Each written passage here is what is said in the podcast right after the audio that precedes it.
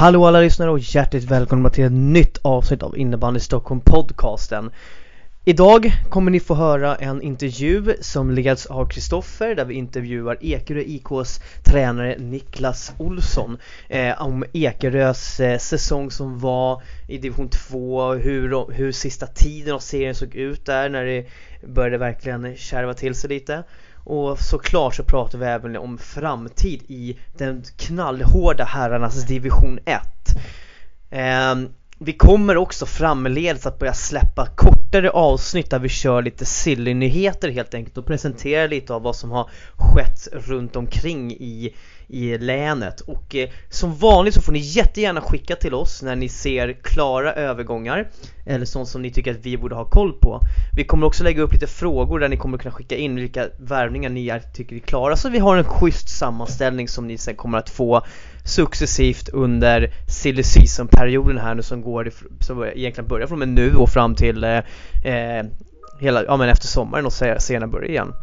Så att eh, Ja, nej men eh, då kommer Niklas här så får ni ha en trevlig lyssning.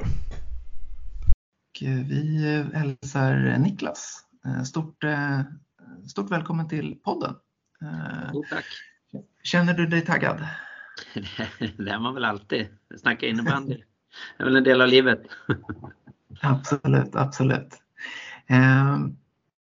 Vi ska ju prata lite om Ekerös eh, säsong som har gått. Eh, ni har gjort en, en helt fantastisk eh, resa den här säsongen. En fenomenal insats i, i DM, eller ja, Bäst i stan som den heter. Och så såklart avancemang till, till division 1. Men hur såg, hur såg det ut inför säsongen? Vad, vad hade ni för målsättningar? Ambitionen om man säger som, jag kom till Ekerö för, det, jag var där tre år. Och vi har ju successivt byggt, det, om man säger som verksamheten utifrån att kanske det var en när jag kom till Ekerö var det en icke-tävlande verksamhet eh, med eh, mycket, mycket ungdomar i träning, ganska talangfullt med Ekerö mått mätt ska man säga då. En, en talangfull kull med ja, kring 01-02 där och lite 03 och 00 där. Men med kanske inte tränat metodikmässigt kanske som man behöver för att kunna ja, utveckla innebandyn till nästa steg. Och det, successivt har vi ju byggt det utan det har ju fördelen med att ligga på ön om man säger som så att vi har ju kunnat gjort det här i egen regi utan att kanske så många ser vad vi gör eller tar någon notis av vad vi gör. Eh, har, har, man legat kanske i, ja, i, i kallar det Beleland eller Älvsjöområdet eller någonting då har säkert många av spelarna redan blivit dragna i och ryckta från klubben. Eh, det har gjort att vi successivt har kunnat bygga ihop en kärntrupp eh, som vi addade ja, innan säsong då. Framförallt kanske Viktor Sjödin och Linus Jonsson till som kommer med lite ja, en annan erfarenhet och mycket spets eh, till våran grupp. Vilket gjorde att vi fick, om man kallar det en väldigt, väldigt bra träff på just de, kan man säga, pinpointande nyförvärven plus att vi under säsongen då också fick in eh, Marcus Ekholm från Jakobsberg och eh, han har spelat i Allsvenskan, var en väldigt lovande, duktig spelare men som har varit lite andra vägar i livet innan han nu igen har börjat satsa på innebandyn eh, och fick en väldigt bra träff med honom och sen var det en, en gammal Ekerö-kille som har varit i förskingringen. Han har varit i både AIKs juniorer och Väsby och spelat senast då i Djurgårdens allsvenska lag Oskar Knutsson och eh, som kände att han ville hem igen och tyckte att det vi höll på med på ön var intressant. Och det gjorde att vi initialt eh, fick ihop gruppen väldigt bra och sen fick vi vad ska man kalla det för, vi, vi hade turen att hitta den spetskompetensen på stan då om man får säga så under säsongen så vi kunde ja, managera upp saker och ting och det gjorde att eh, vi fick en väldigt bra utväxling under hela säsongen. Mm. Men eh, vad, vad är ert mål? Om man, om man tittar liksom när ni, när ni satt i, i augusti eh, inför säsongen? Vad, vad är det målsättning att, att, att gå upp? Eller var det... Ja, det, det, är faktiskt, det är faktiskt så. Man kan tycka vad då Ekerö eller vad hit och dit så här. Men det, det, det blåser lite andra vindar och den gruppen har ja, väldigt mycket talang. Väldigt mycket, idag har man en helt annan tilltro på sig själv och sin kompetens. Mm. Eh, och det, var, det var gruppens självklara mål. Att eh, nu har vi byggt det här, nu har vi satt saker och ting, det finns en bra grund, vi har en grundtrygghet i, i varandra och vad vi gör, eh, hela den biten. Så att eh, gruppens målsättning och ja, övriga ledningen från sportchef neråt eh, ja, till mig och alla, det har varit att vinna serien eller gå upp då. Mm. Kul, kul. Och för de som eh, kanske inte följer division 2 eh, varje vecka, eh, hur, hur skulle du beskriva Ekerö som, som lag? Hur spelar ni innebandy? Vi vill spela en innebandy med mycket intensitet. Eh, spela väldigt rak innebandy. Eh, utgå mycket från ja, 2-2-1 med olika vridningar i det. Eh, vi, vi vill ju, om man säger som eh, det, man, man, kan ju alltid säga att ja, vi vill spela en positiv innebandy och så här.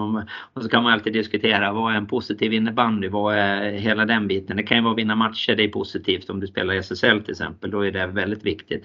Vi har ju försökt bygga en grund nu där vi är trygga i 2-2-1 med vridningar i 1-2-2, jobbade ganska tidigt med de bitarna så här och eh, det har gjort att vi spelar en, många lag eh, och många, om man säger som, som tittar på oss, tycker att vi spelar en fartfylld innebandy med bra bra intensitet och vi, ja, det händer mycket när vi spelar. Eh, utan att för den skull ge avkall då på defensiven som vi har en väldigt trygg, eh, ja, en väldigt trygghet i defensiven. Ett bra försvarsspel med bra målvaktsspel. Eh, och eh, ja, kryddat då med vassa anfallare och så som ändå är dedikerade i försvaret gör att vi, vi är svåra i mål på. Vi passar att möta lag som spelar högre upp på det sättet i och med att vi har byggt spelet egentligen för att ja, anpassas gentemot lag från högre serier. För att vi själva ska ta oss dit. Men det är alltid det svåra i nålsögat att ta sig igenom saker och ting. Men, men så sammantaget så vi spelar en offensiv innebandy med mycket fart, energi eh, högt tempo och vi spelar rakt på mål. Ja. Ni, ni ledde ju serien väldigt länge, sen blev ni omsprungna av, av eh, eh Ackers på slutet här. Då. Men hur, eh, finns, fanns, finns, det något, finns det någon match eller något segment under, under säsongen där du känner att så här, men det, här, det var det här som gjorde att vi verkligen började känna att det här kommer att gå hela vägen? Eh, man kan väl, det är lite som du är inne på, vad egentligen, vi ledde serien där och vi fick en otroligt bra start i höst. Om man tittar på hösten var ju fantastiskt. Vi hade väl, eh, jag tror det var en eh, oavgjord och en förlust under hösten. Och hårdraget när man märkte i gruppen att fasen det här är på riktigt, det var Huddinge borta. Vi låg under med 4-3. Eh, Huddinge hade börjat både och då. Det var ju lite i början av serien. Det hade inte satt sig riktigt för dem allting. Eh, men eh, de, vi gör en otroligt bra start på matchen. Leder den ganska komfortabelt. Eh, och börjar vi få lite skalle under den matchen och jag känner att fan det här är inte bra grabbar, nu måste vi tillbaks till grunderna. Men Huddinge vänder matchen och leder när det är en minut kvar. Vi får möjlighet att ta en timeout, vi får möjlighet att eh, kvittera då. Så tar Huddinge timeout direkt efter vilket gör att jag får möjlighet att göra en, ja, en förändring då om man säger så. Vilket ledde till att vi avgör på indirekt det sätt vi pratade om eh, om man säger som så. Och det gjorde att gruppen lyfte enormt. För det var typ 5-6 sekunder kvar av matchen och allting. Och, och om man tittar eh, ja, i slutet med allting så var ju de två poängen direkt avgörande. Sen kan man ju titta, vi tappar poäng där, de tappar poäng eller ja, olika lag tappar poäng. Men, men totalt sett så var det väl den matchen som jag kände att det här är på riktigt. Nu jävlar åker vi, det, nu går vi hela vägen. Mm. Eh, var eh, för du sa ju att ni redan i augusti så hade ni ändå målet om att, eh, att gå upp så att säga. Eh, jag hade ju tippat Huddinge som ett av de lagen som, som skulle gå upp. Ja. Eh, ehm, såg, eh, såg ni också Huddinge som på förhand en av, en av toppkonkurrenterna? Ja, om man, om man, tittar på säsongen. Svårigheten är ju, jag har förmånen att vara högre upp i seriesystemet och där är det lite mer lättscoutat. Man tittar på andra lags matcher, man kan, eh, ja, men man, det, det, är lite lättare att scouta dem och läsa in sig på dem på ett sätt. Eh, det gjorde att eh, jag såg väl egentligen Åkersberga hade vi mött året innan. Jag tyckte de var otroligt fina då. Eh, mycket, mycket energi, mycket fart i många moment. Ja, de spelar en bra innebandy i min värld. Eh, så de höll jag ju med och Järfälla, de hade ju en, om man kallar det gubbfemma eller superfemma, det beror på vilken ände man väljer att se det. Men eh, jag har tränat en del av de killarna och vet hur duktiga de är. Eh, och jag har även förmånen att under året ha tränat många av deras unga killar då vi har haft ett konstigt nog ett samarbete med, tillsammans med Järfälla på ja-sidan. Så att jag har tränat stora delar av deras kull i olika omgångar. Sen har du Rotebro som fick en del eh, väldigt fina hemvändare med, ja, i min värld och Erik Bengtsson, en av seriens bästa spelare. Jag tycker han är otroligt bra. Eh, otroligt bra, bra grundkompetens i det laget. Och sen har du Eh, ja, det var i Huddinge också eh, som jag kände. Jag, jag, ja, jag har många vänner i innebandyn och så här och man pratar, vi brukar prata rätt mycket om återväxten bland tränare och så här, men Huddinge tycker jag är en otroligt duktig och kompetent tränare. Han är inte rädd att ändra matcher, Patrik Senerius. Väldigt, väldigt duktig otroligt ödmjuk kille också. Jag kan bara lyfta fram honom som eh, han direkt efter vi hade ja, en gaskramningen där när vi gick upp. Vi kommer väl säkert till den längre fram men men bara rikta stort tack till honom. Han skickade sms och gratulerade oss och var väldigt stor i den tuffa stunden. Så att det var väl de vi såg som, eh, om man säger som de tuffa konkurrenterna. Sen, sen är det lurigt med lag om man säger som så här, eh, ja, Tungelsta till exempel. De förlorade väl väldigt mycket matcher men det var inte mer med ett eller två mål varenda match. Eh, väldigt lurigt lag att möta och så här. Så att, jag tycker tvåan i år, toppen i tvåan eh, måste jag säga var väldigt, väldigt bra. Och det var fler topplag. Däremot så kanske de lagen som var lite, ja, hade lite tuffare i år de var nog lite sämre än vad det har varit tidigare var känslan. Så glappet mellan de bättre kontra de som hamnar på andra halvan tycker jag var ganska stort. Eh, ja, eh, jag känner inte Senerius men han är ju djurgårdare så jag bara utgår ifrån att han är en fin människa. Eh, men eh, kul att du nämnde Tungelsta. Eh, de, eh, de spelar ju man-man på backar och, och center. Ja. Hur, hur mötte ni det? ja, ska, ska vara krass så bemötte vi inte alls. Vi förlorade ju borta mot dem. Så, att, så jag vet inte om jag är rätt man att uttala mig men äh, skämt åsido. Vi, all heder till dem. Den, de fick matchen dit de ville mot oss. Vi, vi spelar kladdig innebandy och så här. Vi pratar mycket om när man möter den typen av lag så blir det, ju, det är lite som det låter man-man. Det blir duellspel runt, runt sarger och hela den biten. Då måste man ta duellerna framför mål. In med bollen framför mål, spela rak innebandy. Låt inte dem springa ut med oss mot sarger och liknande. Eh, vi hade väl kanske en övertro i gruppen på att vi skulle spela sönder dem och lösa det på det sättet. Men eh, vi, vi gör väl ingen toppinsats utan att förringa deras insats i den matchen. Men eh, ja, nej, det, vi hade hårdraget så eh, man kan ju diskutera 2-1, 2-1, 2-2 spelsystem och olika saker till döddagar men hårdraget så vi hade egentligen inte problem med deras spel. Utan i den matchen så var det vår egen prestation som de lyckas eh, ta ner på en bra nivå för deras del. Och vi lyckas inte komma ur där riktigt. Vi provade, ändrade om, vi gjorde förändringar och så här. Och det kan vara att jag kanske ändrade för mycket och inte hade tålamod riktigt. Men eh, all heder till dem i den matchen. Men två, om man säger man-man för min del är inget egentligen konstigt att möta.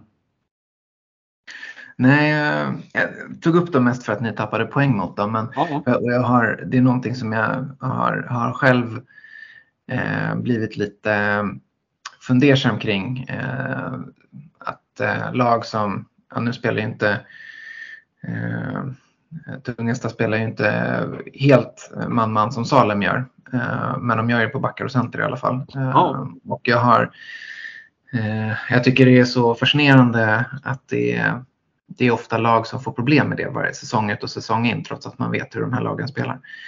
Eh, jag tror personligen där Kristoffer att man, man fokuserar för mycket på vad som komma skall. Det är bara att glömma att det blir en traditionell innebandymatch. Ställ in det på mm. kampen istället. Eh, ställ in det på att spela mer rak innebandy. Och jag vet att det är svårt. Det är bara att titta SM-finalen.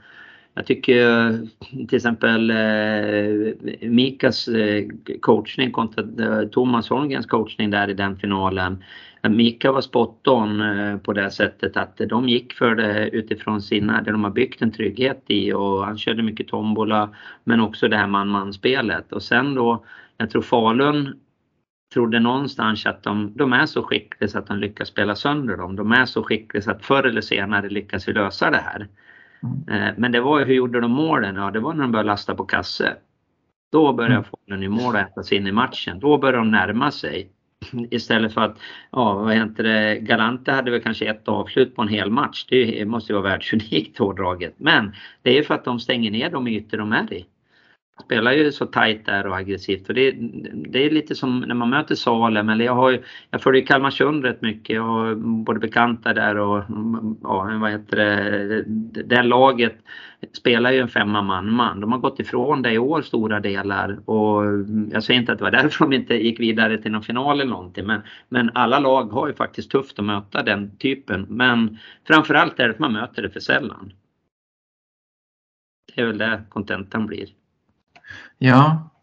Eh, hur, eh, om man tänker då vidare kring, eh, kring er säsong, hur var det, var det någon, du har ju nämnt era nyförvärv som naturligtvis har gjort mycket poäng för er och så, men var det någon, eh, var det någon eller ett par spelare som du tycker har, har höjt sig extra mycket eh, jämfört med tidigare år från er befintliga trupp? Om man säger, eh, det, det, är en kille som är otroligt, det, det, är lätt att prata om poängspelarna och såna här saker men vi har, vi har två backar till exempel som eh, Ja, det, det är en ynnest dels att få träna dem för de är elitidrottsmän både på sidan av plan på alla sätt och vis men eh, Eh, det är våran kapten Tim Olofsson och eh, hans backpartner Isak Sved. Eh, helt övertygad om att de kommer att även vara ett av division 1 bästa backpar. De är otroligt laglojala, de ja, jobbar hårt, de är rejäla i alla sätt att spela. De har utvecklat sin defensiv samtidigt som vi jobbar mycket med att försöka ja, ta steg med deras offensiv och hela den biten. Eh, så de är ju de är egentligen grundbulten i vårt lag, lär jag säga, de två. Sen har vi otroligt mycket poängstarka spelare. Vi pratade om några utan nyförvärven som är där men du, du har ju en kille, Lukas eh, Hallinder, han har ju varit med i Ekerö egentligen. Han var på väg till Tyresö tror jag när de låg i Allsvenskan. Han var väl där men han, han fick hemlängtan. Det var väl, han saknade sjödoften ute på ön så att han ville inte lämna. Så han vart kvar och han har ju bara tagit steg hela tiden. Otroligt spelskicklig spelare som alla egentligen verktyg får spela högre upp. Eh, sen har, det är svårt att bortse från Marcus Nymans säsong.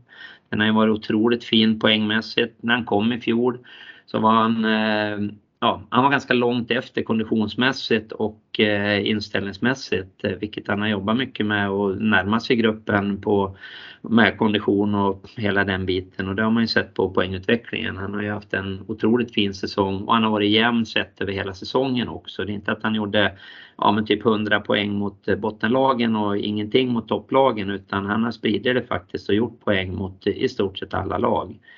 Eh, och även i DM har det rullat in bollar också för de spelarna. Så att, eh, det, är väl egentligen om man tittar där och det är ju fyra, om man tittar, tre utav dem är ju born and raised Ekerö. Isak Sved har väl varit i, jag tror det är AIKs eh, organisation tidigare på ungdomssidan och så, men han har varit i Ekerö väldigt länge. Eh, så att eh, det är väl ja, fyra spelare skulle vi rekommendera folk att titta på även i division 1. För de kommer att göra avtryck i division 1 garanterat. Ja, nej men jag tänkte jag skulle vilja kolla lite. Du, ni har ju en väldigt spännande sammansättning av er spelartrupp ändå. Jag vet att ni var inne lite på det här i början med nyförvärv och sånt. Men jag, det finns några spelare som jag skulle vilja kolla lite med dig kring, alltså lite status. Ni har ju Ni skulle, Max skulle säga att ni har säkert en av division 2s bästa målgörare förutom Nyman i Melker Klingström till exempel. Alltså han har inte spelat så mycket i år. Vad är det, vad är det han har dragits med? Nej, han, han eh, har ju tyvärr eh, mer eller mindre pausat sin innebandy och eh, anledning, han, eh, han gick ju, om du har följt honom där så för ett antal år sedan kom han ju fram, han var väldigt duktig, han hade dubbelsvensk, jag var i Tälje då, han var på dubbelsvensk med oss i Tälje en sväng. Mm. Eh, så gick han till Balrog.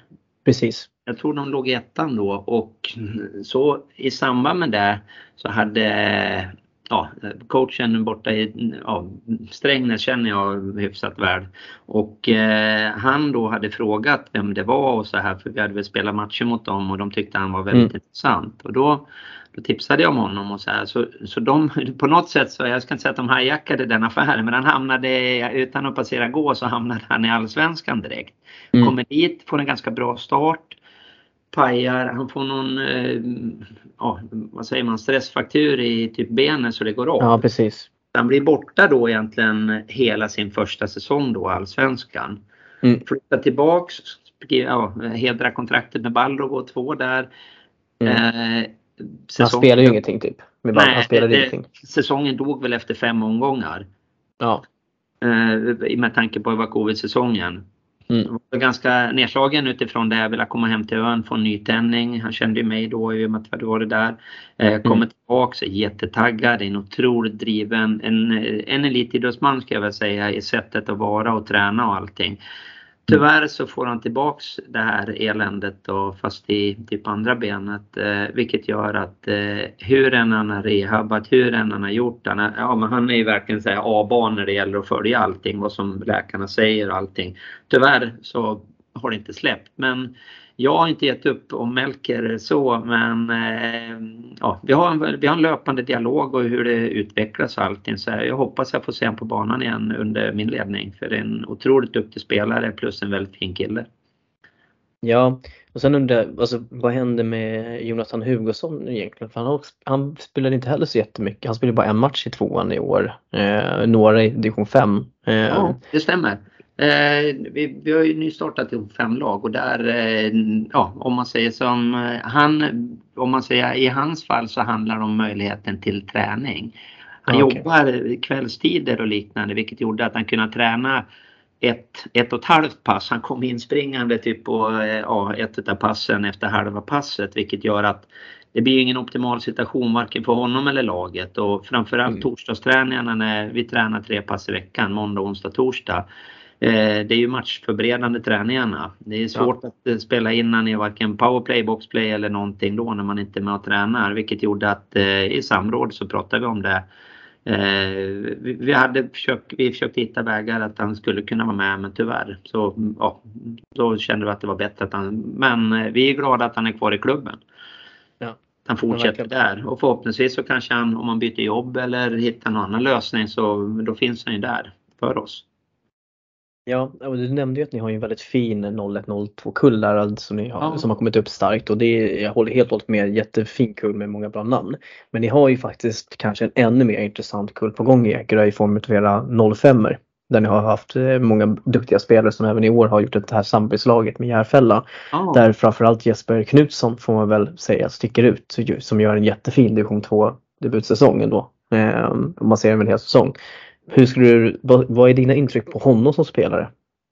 Ja, när jag, om man säger när jag kom till Ekerö så var ju mm, han var ju en av dem man fick presenterad för sig att ja men han är duktig, han har de här och så här och, och jag, jag såg ju honom då initialt då som en löpstark spets. Väldigt, om en jobbig att möta, han var uppe han kämpade och slet och rev och så här men en väldigt timid kille som knappt sa halv sju och hela den biten och jag tycker om man säger som hans utveckling, eh, den är helt häftig vill jag säga. Just det här att som person har han ju vuxit enormt. Han är ju Mm. kapten, han leder lag, han är en del i, om man säger som att leda vårt ja, division 2-laget och kommande division 1-lag. Han, eh, han har bytt en roll eh, och vad heter det, utvecklat sitt spel. Så nu spelar han ju, om man tänker sig att vi spelar 2-2-1 så spelar han på Mm. mittfältet och driver det här spelet. Mm. otroligt, eh, ja, om man säger trygg med bollen nu. sällan dåliga beslut, har en eh, otroligt arbetsmoral. Eh, duktig i försvaret men även en poängspelande spelare. Så hans utveckling och hans eh, start av den här karriären om man får se det så. Och jag, jag skulle säga det är väl upp till honom hur långt han vill ta det. Han har otroligt mycket bra egenskaper. Jag håller med. Jag haft, hade honom på Sweden Flop Youth Camp för några år sedan. Eller inte på. Youth Camp, på Selected Player var det faktiskt med. Eh, och eh, redan där kunde man ju se liksom hans eh, den talangen som han satt på just sättet som han kan driva spelet på. Och det är det jag från jag har sett honom i år så tycker jag att han Däremot så tycker jag att han ska ha mycket mer möjlighet att göra mer mål för att han har ju ett väldigt bra skott. Han gör ändå 10 mål vilket är fullt godkänt tycker jag för en division 2 säsong. Eh, som så i alla fall andra säsongen i division 2. Och även om han gjorde, han gjorde bara 8 förra året, eller säsongen innan det så han ökade ju på lite. Men jag tror att där finns det nog en jäkla potential framledes. Ja, nej, men det är bara att titta på, i, om man tittar på, jag brukar säga DM-finalen, men bästa stan-finalen där. Han klev in mm. i kassar och man bästa forward. Mm. Han är bara ja, typ 17-18 år. Det, det, det, finns väldigt, väldigt mycket. Han kliver in, han tar för sig, han står upp i duellspelet. Han, han driver som sagt på spelet, han vill vara mm. drivande och så här. Och det tycker jag är jävligt intressant för det är väldigt många som springer och gömmer sig ibland och så. Du säger inte att det var i vårt lag just den specifika matchen men han, han verkligen kliver fram. Och det är också en stark egenskap att när det blåser och när det är som tuffast då brukar det skilja lite agna från vettet och i det här fallet han har ju verkligen visat att han är den som vill leda det här. Mm. Eh, den sista frågan jag ska, jag ska ställa frågor kring innan vi innan, under om truppen generellt så är det ju eh, en av yngsta spelare, Wilmer Tapper. Eh, ja. Hur, eh, vad, vad, tror du, vad tror du om hans framtid då? Och hans säsong här som kommer i division 1. Eh, ändå född 06, eh, ganska, var med er hela säsongen i princip här och eh, vad, vad, tror, vad tror du om honom framledes då? Han har ju jättebra potential Wilmer.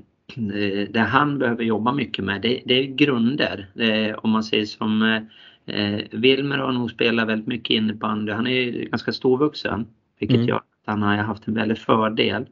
Verkligen. Trots att han är stor så har han en väldigt bra teknik. Han, eh, ja, men typ, det kan golvsorras, det kan snurra lite, han kan, han kan göra mycket av de här grejerna. Men han har kanske haft svårt att veta när gör jag vad.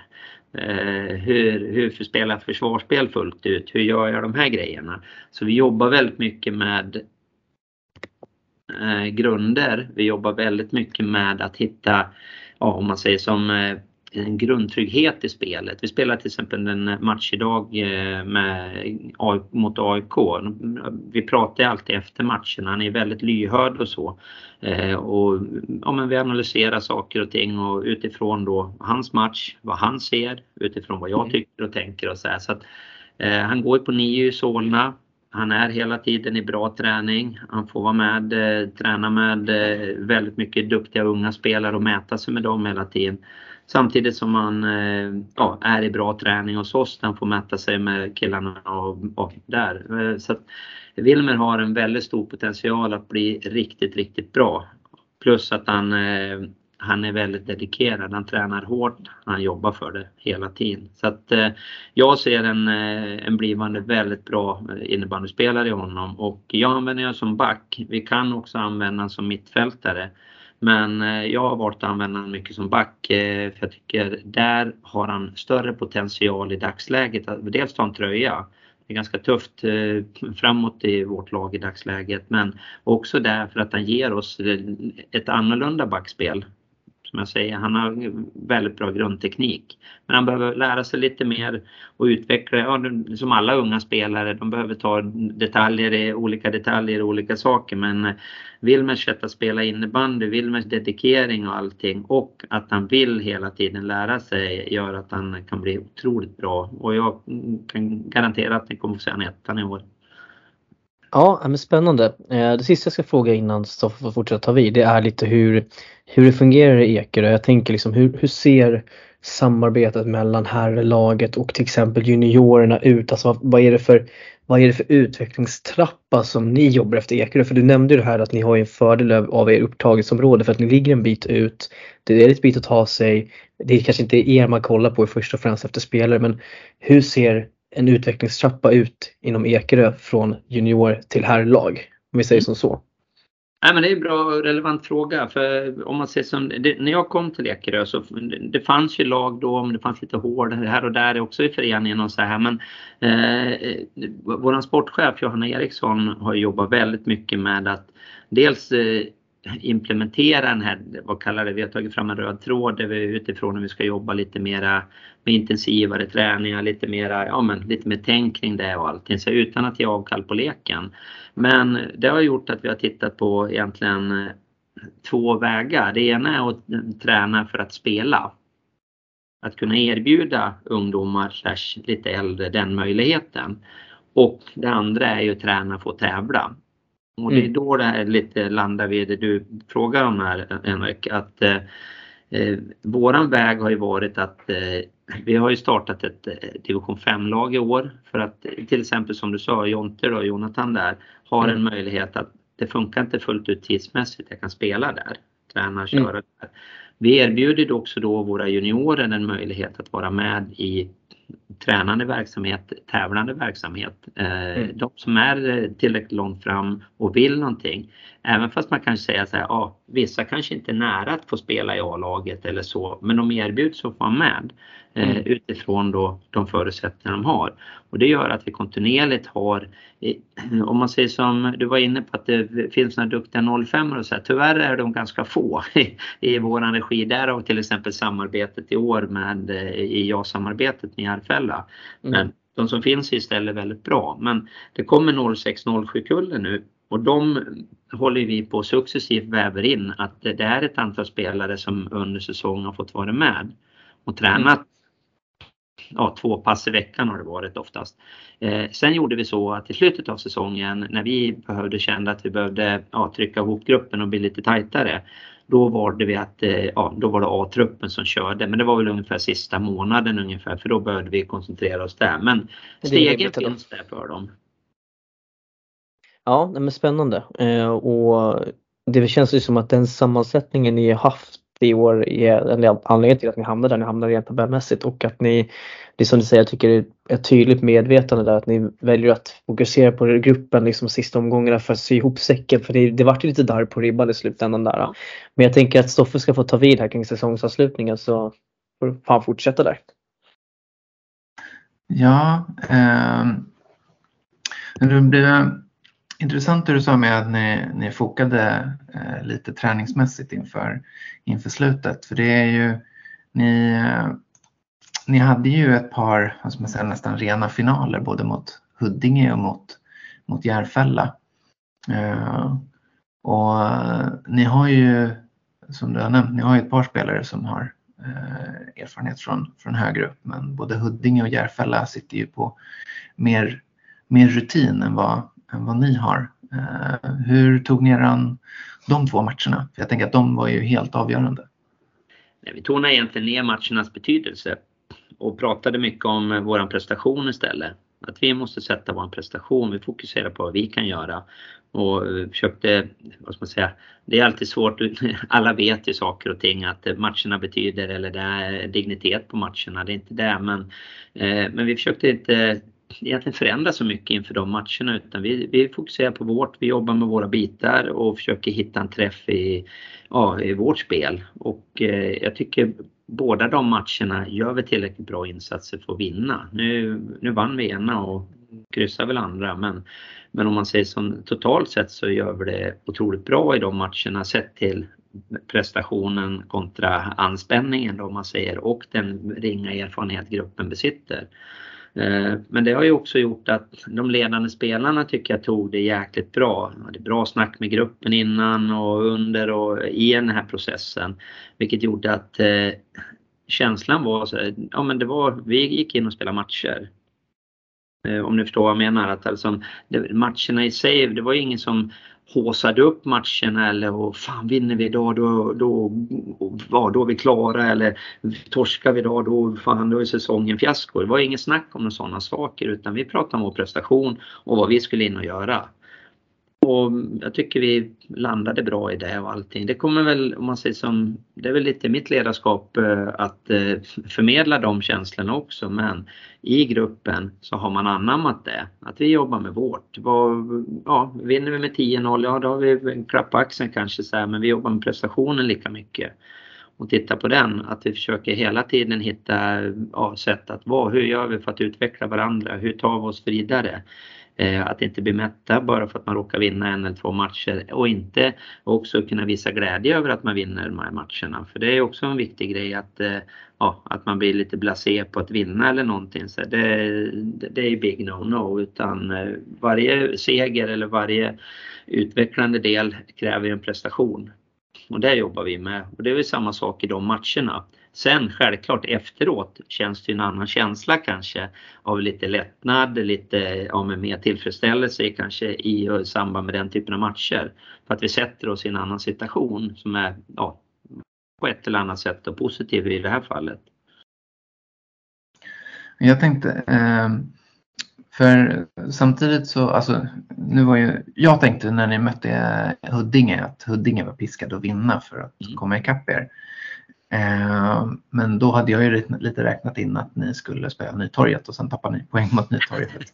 Eh, var, det lite, var det lite underskattning eller var det, är det jobbigt att möta ett grisigt lag i slutändan eller i slutskedet på säsongen?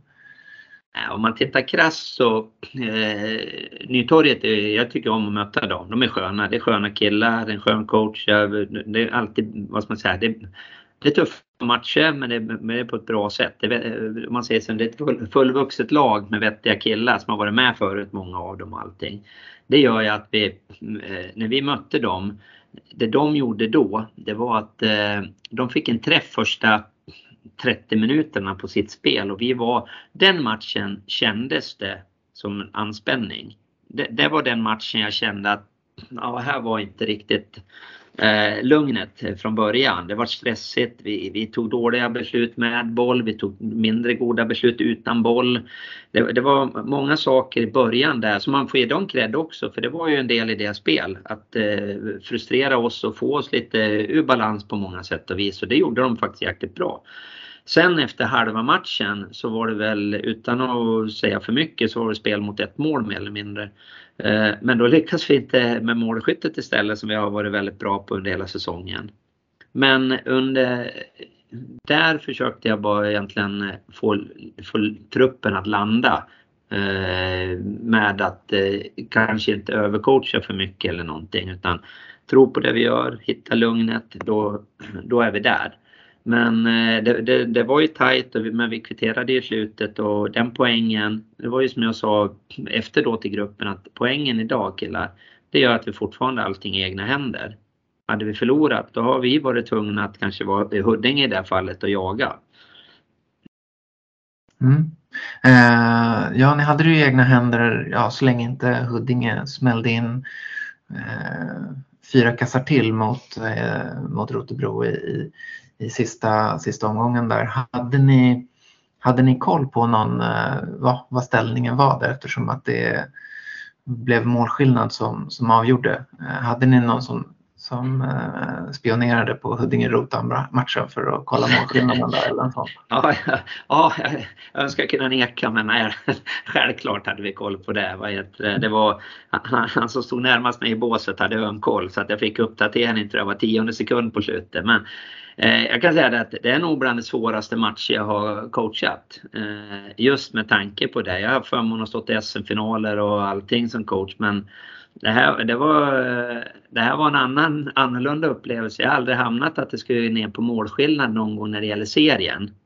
Eh, så att det, det var tufft när Huddinge ledde och öste på och gjorde massa mål.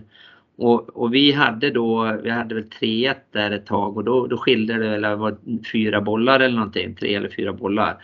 Eh, och vet, ja, just ska vi gå för det? Ska vi fortsätta köra? För vi var, vi var innebandymässigt bättre än Järfälla, starkare, vi, vi tryck ner dem och skapade mycket. Men ska vi fortsätta gå för det eller ska vi spela av tid? Du vet, bolla back, back och ticka, dra ner tempot och allting.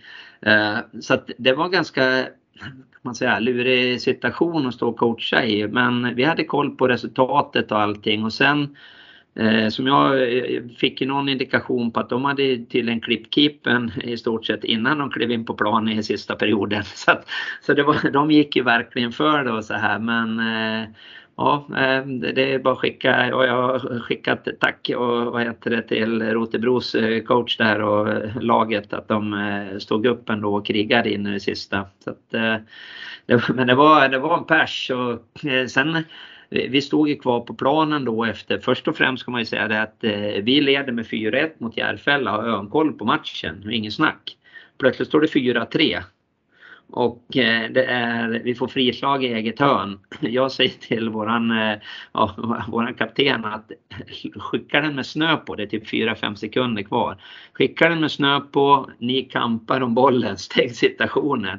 Han skickar den i magen på mig i båset i stort sett. Han fick århundradets felträff. Och, så de, där och då skapade Järfälla ett bra läge att kvittera. Så där har det kunnat vara över för vår del när det gäller den biten. Men det managerar vi och lyckas reda ut. Men då var vi glada för segern men det innebar ju inte att det var slut där. Och eh, jag antar att de hade varit lite mer strategiska och eh, fördröjt tiden lite. Vi var lite smarta i sista och fick ikapp lite tid där men eh, det var, de hade lite kvar att spela på. Men så kom det upp jag tror Rotan gjorde om det var sitt tredje eller fjärde mål. Jag kommer inte ihåg riktigt var det slutade. Men då, då, kände, då var det ju typ att de behövde göra tre eller fyra mål på en minut. Och det kändes ju så. Och sen så vart det ytterligare ett mål då för Rotebro. Om man säger, luften kanske gick ur Huddinge där och då. Men den känslan var Ja, den, var, den, den, är skön att få uppleva om man säger så, just med den här gruppen också. Det är en helt speciell grupp som jag, ja, som jag säger, det är, en, det är en väldigt fin grupp att jobba ihop med. Man har jäkligt roligt ihop killarna.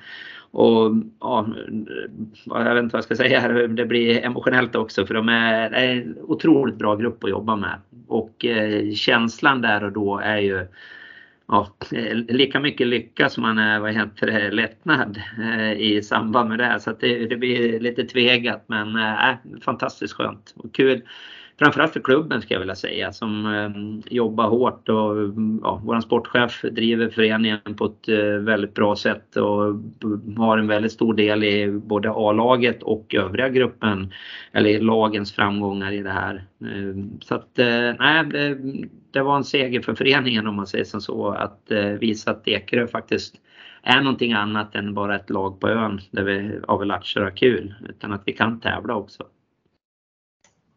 Ja, jag tänkte innan vi går in på eh, och blickar framåt division 1 så eh, skulle jag vilja prata lite om Bäst i stan för där har ni också gjort en helt fantastisk säsong.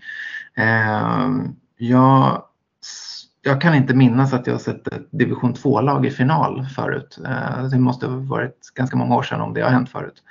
Eh, hur, eh, vad var er målsättning eh, inför eh, Bäst i stan? Eh, var det Gick ni in för att gå långt eller var det någonting som bara skedde av sig själv så att säga? Ja, om man säger så här, du, du spelar ju få tävlingsmatcher. Jag tycker vi spelar alldeles för lite tävlingsmatcher generellt i innebandyn. Men eh, om du tittar på eh, vad kan du vinna egentligen som lag eller föreningar i Stockholm idag? Beroende på vad du spelar för division självklart. Men om du tittar egentligen från allsvenskan och neråt, eh, eller division 1 ska jag väl säga. Nu får ju Värmdö spela Svenska cupen men om man säger så, men om du bara tar bort det. Generellt så är det egentligen två saker du kan vinna. Det är din serie och DM eller bäst i stan då.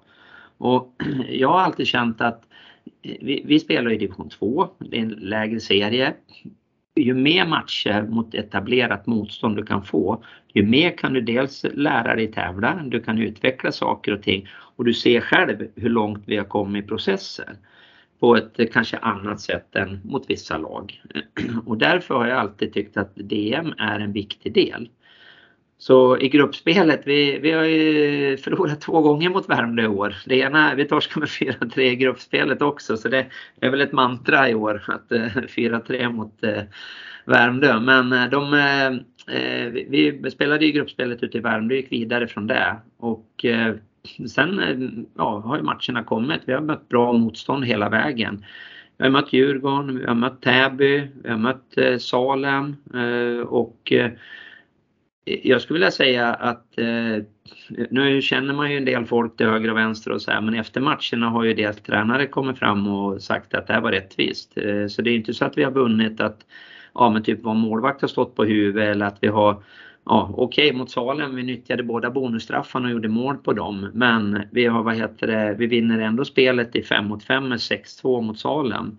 Eh, det tycker jag visar på en styrka. Sen är det självklart, vi kommer från, har gått upp.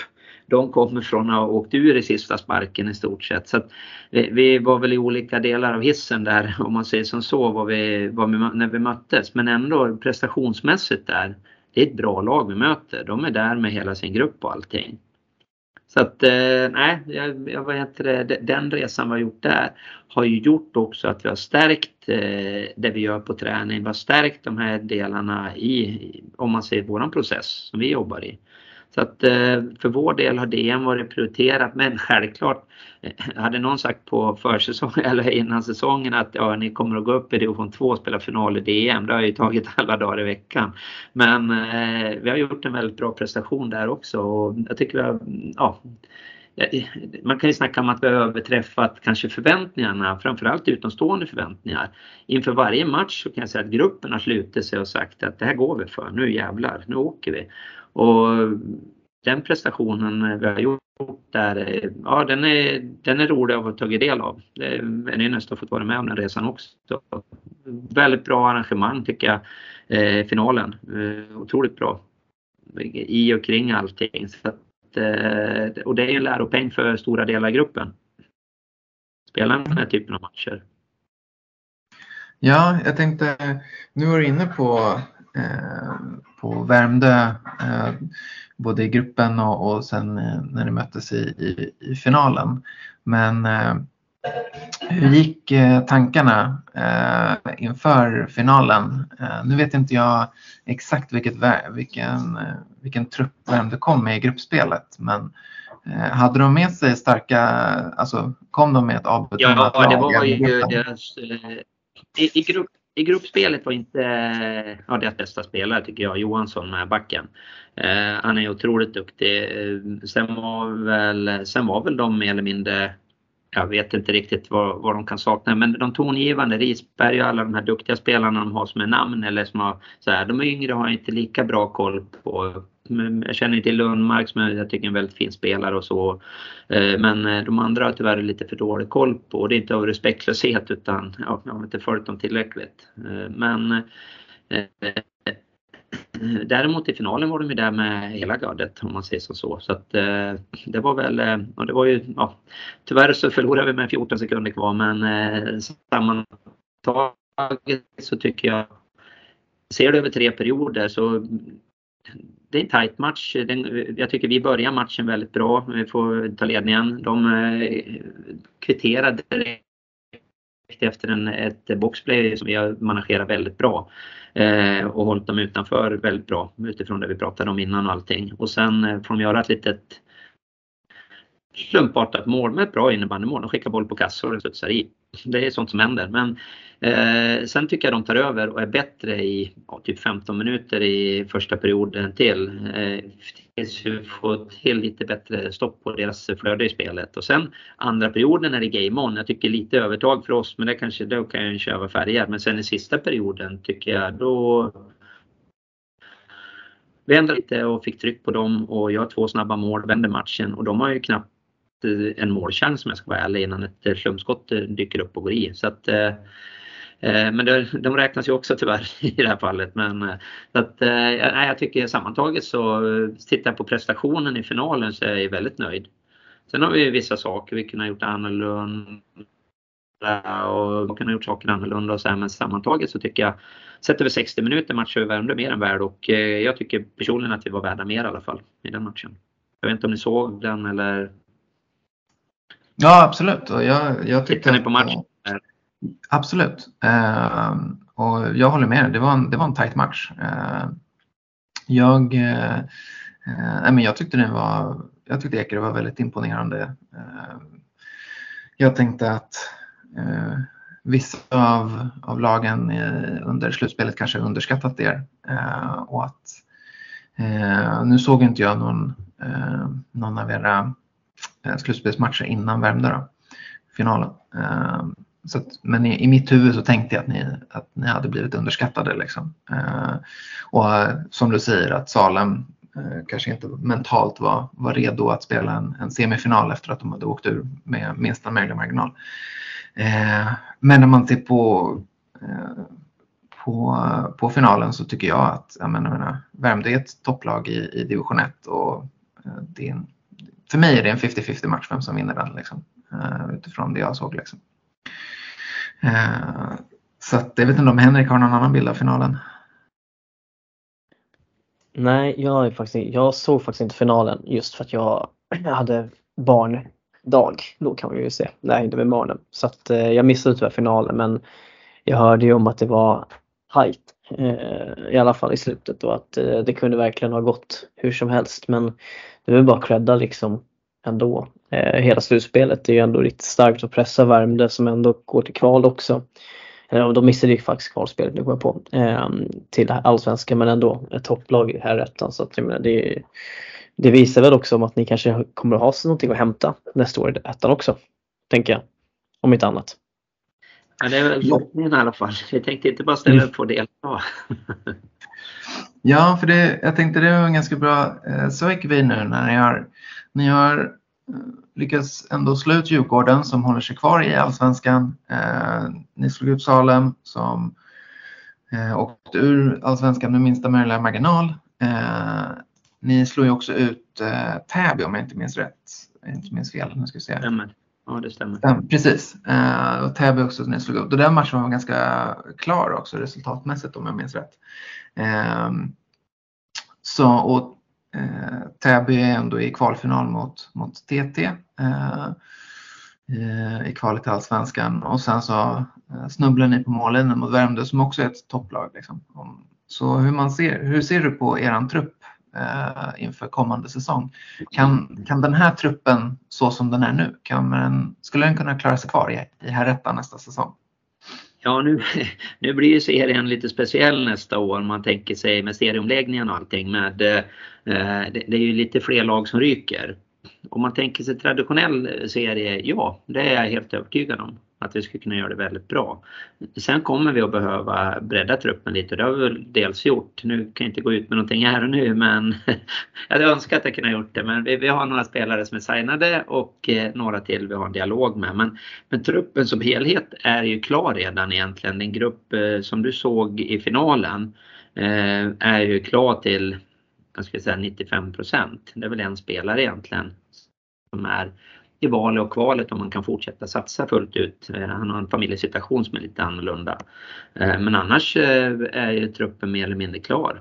Jag kan gå ut med att Viktor Sjödin skrev nytt tvåårskontrakt idag.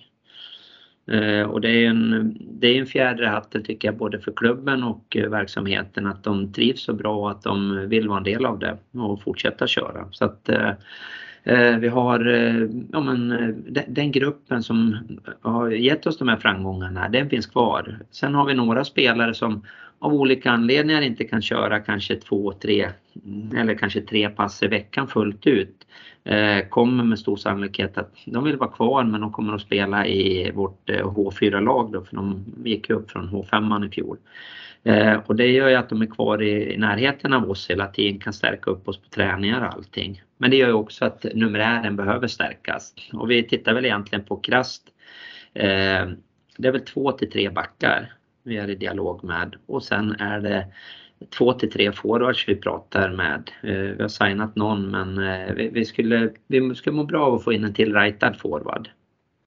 Vi är i samråd med en som vi jag tror väldigt mycket på som har varit och tränat med oss också. Så. Men man får se, det, det är inte över förrän de har signat. Det vet hur det där funkar. Man, man, ibland kan man ju tro väldigt mycket och man får bra signaler och allting så här. Men, men det är spelare, några har spelat i Allsvenskan, eh, söker sig till oss vilket är väldigt glädjande för eh, så kan man också vända på och se eh, om man kallar det framgången i eller hur man väljer att se det. Det är att nu hör spelare av sig till oss och vill komma. Det har ju inte hänt tidigare år. Utan eh, då är det mer vi som har fått approachat om vi har varit intresserade av någon och hela den biten. Men nu är det många spelare som hör av sig och det känns ju väldigt kul. Eh, och, eh, men lagbygget, om man ser vi har två målvakter som håller bra division 1-klass. Vi har en utav målvakterna är lite äldre, han är 20 i vår grupp, han är äldre, han är 98 så han är väl 24-25 här. Eh, och sen har vi en eh, 18-åring som går på NIU Solna som är egen produkt eh, som är också otroligt lovande. Backmässigt är väl där vi är lite tunnare numerärt. Eh, vi har väl i dagsläget eh, öppningar för ja, två till tre platser. Sen framåt är vi, det, det, känner jag egentligen, skulle vi kunna säga det att vi stänger butiken och allting men eh, vi, vi behöver bredda, bredda spetsen lite. Eh, för att eh, du, du, vinner, du kanske vinner serier med två linor eller matcher med två linor men det är svårt att vinna en serie över tid med, med det. Sen kan man ju vända på det och titta. Bele, ja, de gick ju till kval i Allsvenskan med en femma och alltså med all respekt för de övriga killarna men lite så. Eh, hela den biten. Men eh, Nykvarn vann, eh, gick igenom seriespelet förut för några år sedan med eh, Jante och eh, bröderna Regianis eh, som fantastiskt bra lina. Så det, det, är klart du kan det men jag vill i alla fall min filosofi bygger på att du bygger det på mycket gubbar och att eh, alla känner delaktighet så kör man därifrån. Och sen coachar man utifrån det istället. Så att truppen som sådan ser bra ut. Eh, gruppen som sådan behöver bli lite bredare. Ja, kul att du gick ut med en, en sillybond på, på podden. Nu ska vi se om det kanske hinner komma ut på Instagram innan vi hinner redigera och lägga ut det här. Då. Men, men eh, kul att du väljer podden för att eh, berätta att Sjödin eh, fortsätter. Det är toppen. Eh, och eh, så kan vi ju shoutout till alla rightad rightade forward som har division 1 kvalitet kan ju höra av sig till er med andra ord. Ja, eh, det uppskattas. Eh, ja men kul, kul. Du nämnde ju redan att ni, ni tränar eh, tre gånger i veckan redan så, ja. som det. För det var min nästa fråga. Hur, hur kommer ert träningsschema förändras när, när ni går upp till, till ettan? Vi, vi är ju så många, nu, nu är det ett Stockholmssyndrom och man kan välja att se det som ett problem eller möjligheter eller vad du nu väljer om man säger så här. Däremot så är det ju, vi, vi, vi har ju precis så många halvtidsbrist. Det är ju tyvärr ett AB. Man tänker Ekerö, eh, när jag kom ut dit så tänkte jag men Ekerö är en rik kommun, det finns möjligheter, det borde finnas faciliteter och allting. Tyvärr är verkligheten annorlunda när det gäller just eh, det, ja, hallutbudet och allting och hur de prioriterar och satsar på idrotten. Eh, tyvärr är vi inte själva om det i Stockholmsområdet eller det finns ju flera andra ställen i Sverige också men Stockholm är ju kanske ganska eftersatt om man tittar generellt. Eh, men eh, tanken är att vi fortsätter träna tre pass i veckan under försäsongen. Vi kommer att börja nu. Det blev lite konstig avslutning på ett positivt sätt i och med att vi först vann vi semifinalen där och sen vart det en final så att vår säsong vart ju nästan förlängd med en månad. Eh, annars hade vi varit igång nu med träningar och allting men Eh, så att vi kommer att börja nu på onsdag nästa vecka. Det är bra, nu går vi ut här, i, här för det vet inte killarna om. Jag har precis satt träningsschemat med ett, ett, ett ja, fysföretag vi jobbar ihop med. Men eh, så vi kommer börja på onsdag nästa vecka. Då kör vi ett pass ja, inomhus med, fast med fyspass. Sen på torsdagen kör vi ett innebandypass. Och sen kommer vi att jobba tre pass i, till gemensamt framförledes fram till den sista juni.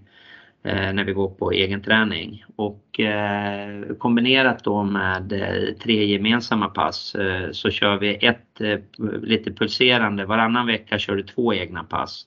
Varannan vecka kör du ett eget pass och de egna passen då får killarna välja själva. Golf är inget alternativ. Däremot så paddel eller gym eller liknande eh, är godkända aktiviteter. Så de, ja, de redovisar det till mig då med med bild och eh, lite kort, kortfattat om aktiviteten man gjort och så, så får jag statistik på det. Så att det har funkat helt bra och det är en bra disciplin i gruppen och allting. Så att eh, det funkar väldigt bra och det tänker vi fortsätta med. Och så här. Däremot så försöker jag ta in eh, det, ja, men, har man varit i en grupp i tre år och så här, då har man ju ja, de hör ju min röst 24-7 om jag även kör försäsongen med dem. Så därför försöker vi nu väva in lite externa partner på försäsongen. För att eh, ja, men spetsa den dels naturligtvis men också det att jag kan spara min röst på ett annat sätt för gruppen när den behövs istället.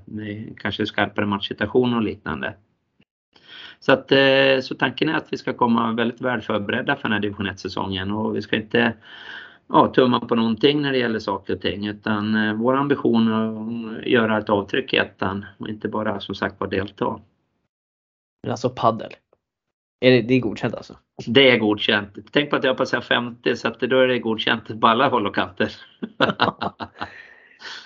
det vi skulle kunna ha ett eget poddavsnitt om paddels eh, påverkan och inverkan och eh, förfall, det får säga också.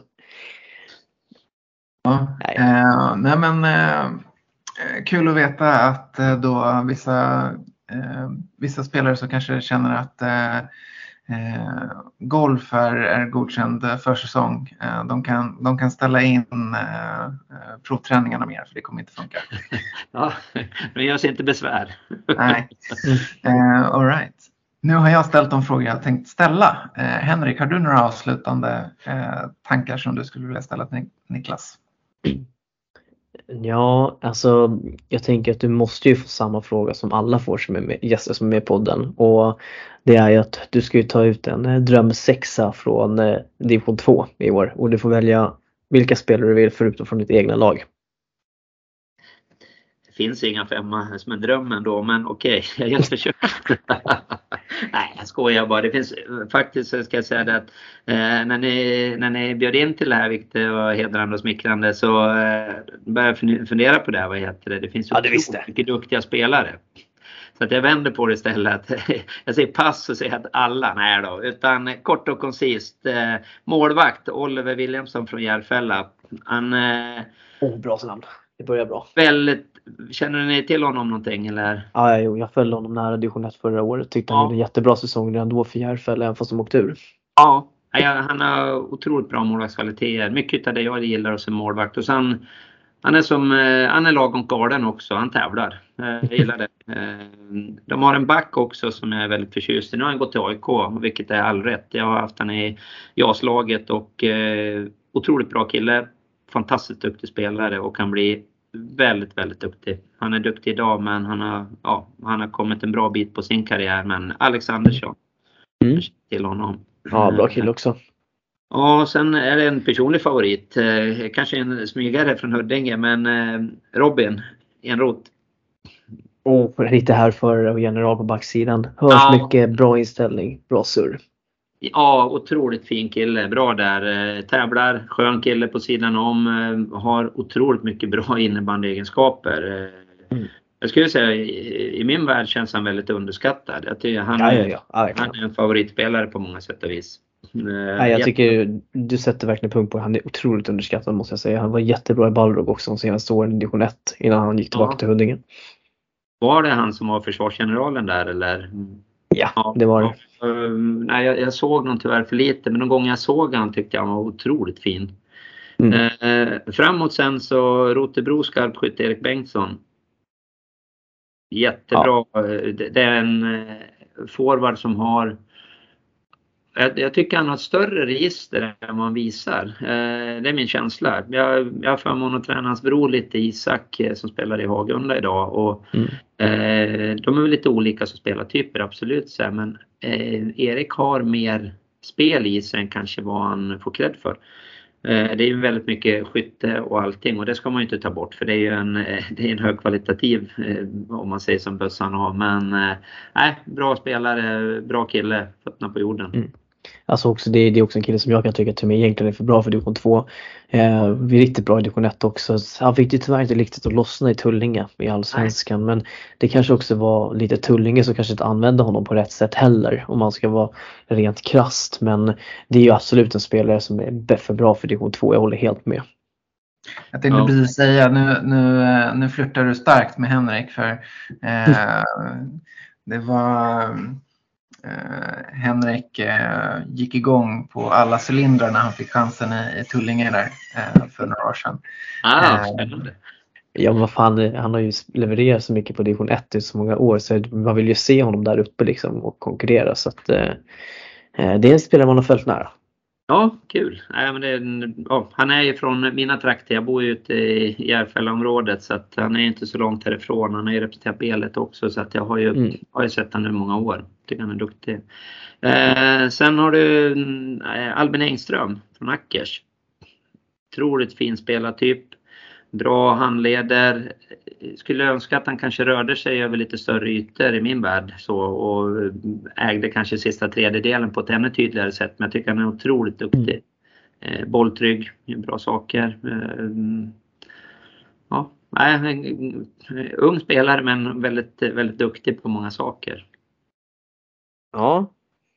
Och sen, eh, det, här är, det här är ingen krypare om man säger, men eh, Strandberg, Daniel från Huddinge. Ja. Det är väl en, lite no-brainer kanske för många så, men jag, jag, det, jag, det jag gillar mest egentligen det, det, det, kanske inte är det här att han är så duktig med boll eller gör rätt saker aldrig, utan det är hans tvåvägsspel. Det, det är sällan man ser spelare som är så kompletta i båda zonerna eh, och kan göra så mycket bra saker. Första gången även när vi mötte honom tänkte jag fan han ser lite trött ut den där snubben. Nyttjar det här med fart och så här. Nej, han gör rätt saker kan man säga. Otroligt Verkligen. smart, otroligt eh, klok spelare. Ligger rätt, gör rätt saker och gör omgivningen bra hela tiden. Han har väldigt fina spetsegenskaper och verkar vara, jag känner honom inte så men eh, det intryck jag får av honom, han, eh, ja, efter matcher och liknande. Så här, otroligt ödmjuk, bra kille. Stor, stor spelare. Också där om man kan titta där alla de här fem eller sex som är målvakt tycker jag är ju egentligen väldigt, väldigt duktiga spelare. Som de, alla de som oavsett om de har varit upp och vänt eller inte högre upp så skulle mm. de lätt kunna spela högre upp. Mm. Ja, jag tycker både han, nu har ju, Rudell har inte spelat så mycket den här säsongen i Huddinge, men jag tycker både, både han och, och Strandberg, eh, tyckte jag, jag var ett stort fan av dem när de lirade i Tullinge. Eh, mm. tycker de var otroligt eh, eh, bra och nyttiga spelare. Eh, inte de flashigaste spelarna kanske, men, men otroligt nyttiga för laget och helt omöjliga att ta bollen av. Så det, jag tycker båda de är, jag har stor behållning av att kolla på dem. Eh, och ja, nej, men eh, intressant femma. Eh, tyckte den var, det finns ju ändå lite att ta av. Eh, du har ju inte plockat ut Anton Ekstrand till exempel. Så det, det... Nej, jag, alltså, jag, vänta, bra jag, femma. Albin, men jag, jag, jag känner att han är ju väldigt fin spelare också. Det är ju en, det är också en personlig favorit om man säger så, så just hur han spelar innebandy och är innebandy. Jag, jag är jätteförtjust i honom men och som sagt var jag fick ju ta ut en, en femma plus en målvakt så att jag hade inte så mycket mer att välja på. Nej, men det, det, tycker jag är kul för det, det tyder ju ändå på att det, det har funnits en hel del kvalitet i division 2 eh, den här säsongen. För att det, som du säger, alla spelare du har nämnt skulle ju lätt kunna spela högre upp. Eh, så att det är ju, och Ekstrand har ju spelat SSL. Liksom. Eh, ja. Så att det, det finns mycket intressanta spelare under den här gångna säsongen. Men jag skulle säga så den femman är ju balansen i den femman måste jag ändå säga att jag gillar extremt mycket eh, ändå. Det, ja, det, är, det är en fin sexa du bjuder på här alltså. Det, det, det är nästan bäst, eh, bäst, in class hittills. Ja, nej men det där den är fin alltså. Det där är, du ligger högt upp på rankinglistan utav de som varit med. Det, det ska du ha. ja, eh, då får vi eh, tacka dig eh, otroligt mycket för att du var med oss den här timmen. Vi tyckte det var jättekul att, att, att lyssna på, på ditt surr kring den gångna säsongen och ett stort grattis till att ni har gått upp. Eh, det ska bli otroligt kul att följa er i division 1 under den kommande säsongen. Eh, så får vi önska dig ett lycka till i division 1 och ha en fortsatt trevlig måndagkväll. Stort tack själva för att vi fick delta och keep up the good work. Så hörs vi. Ja. Tack detsamma. Hej hej. Hej.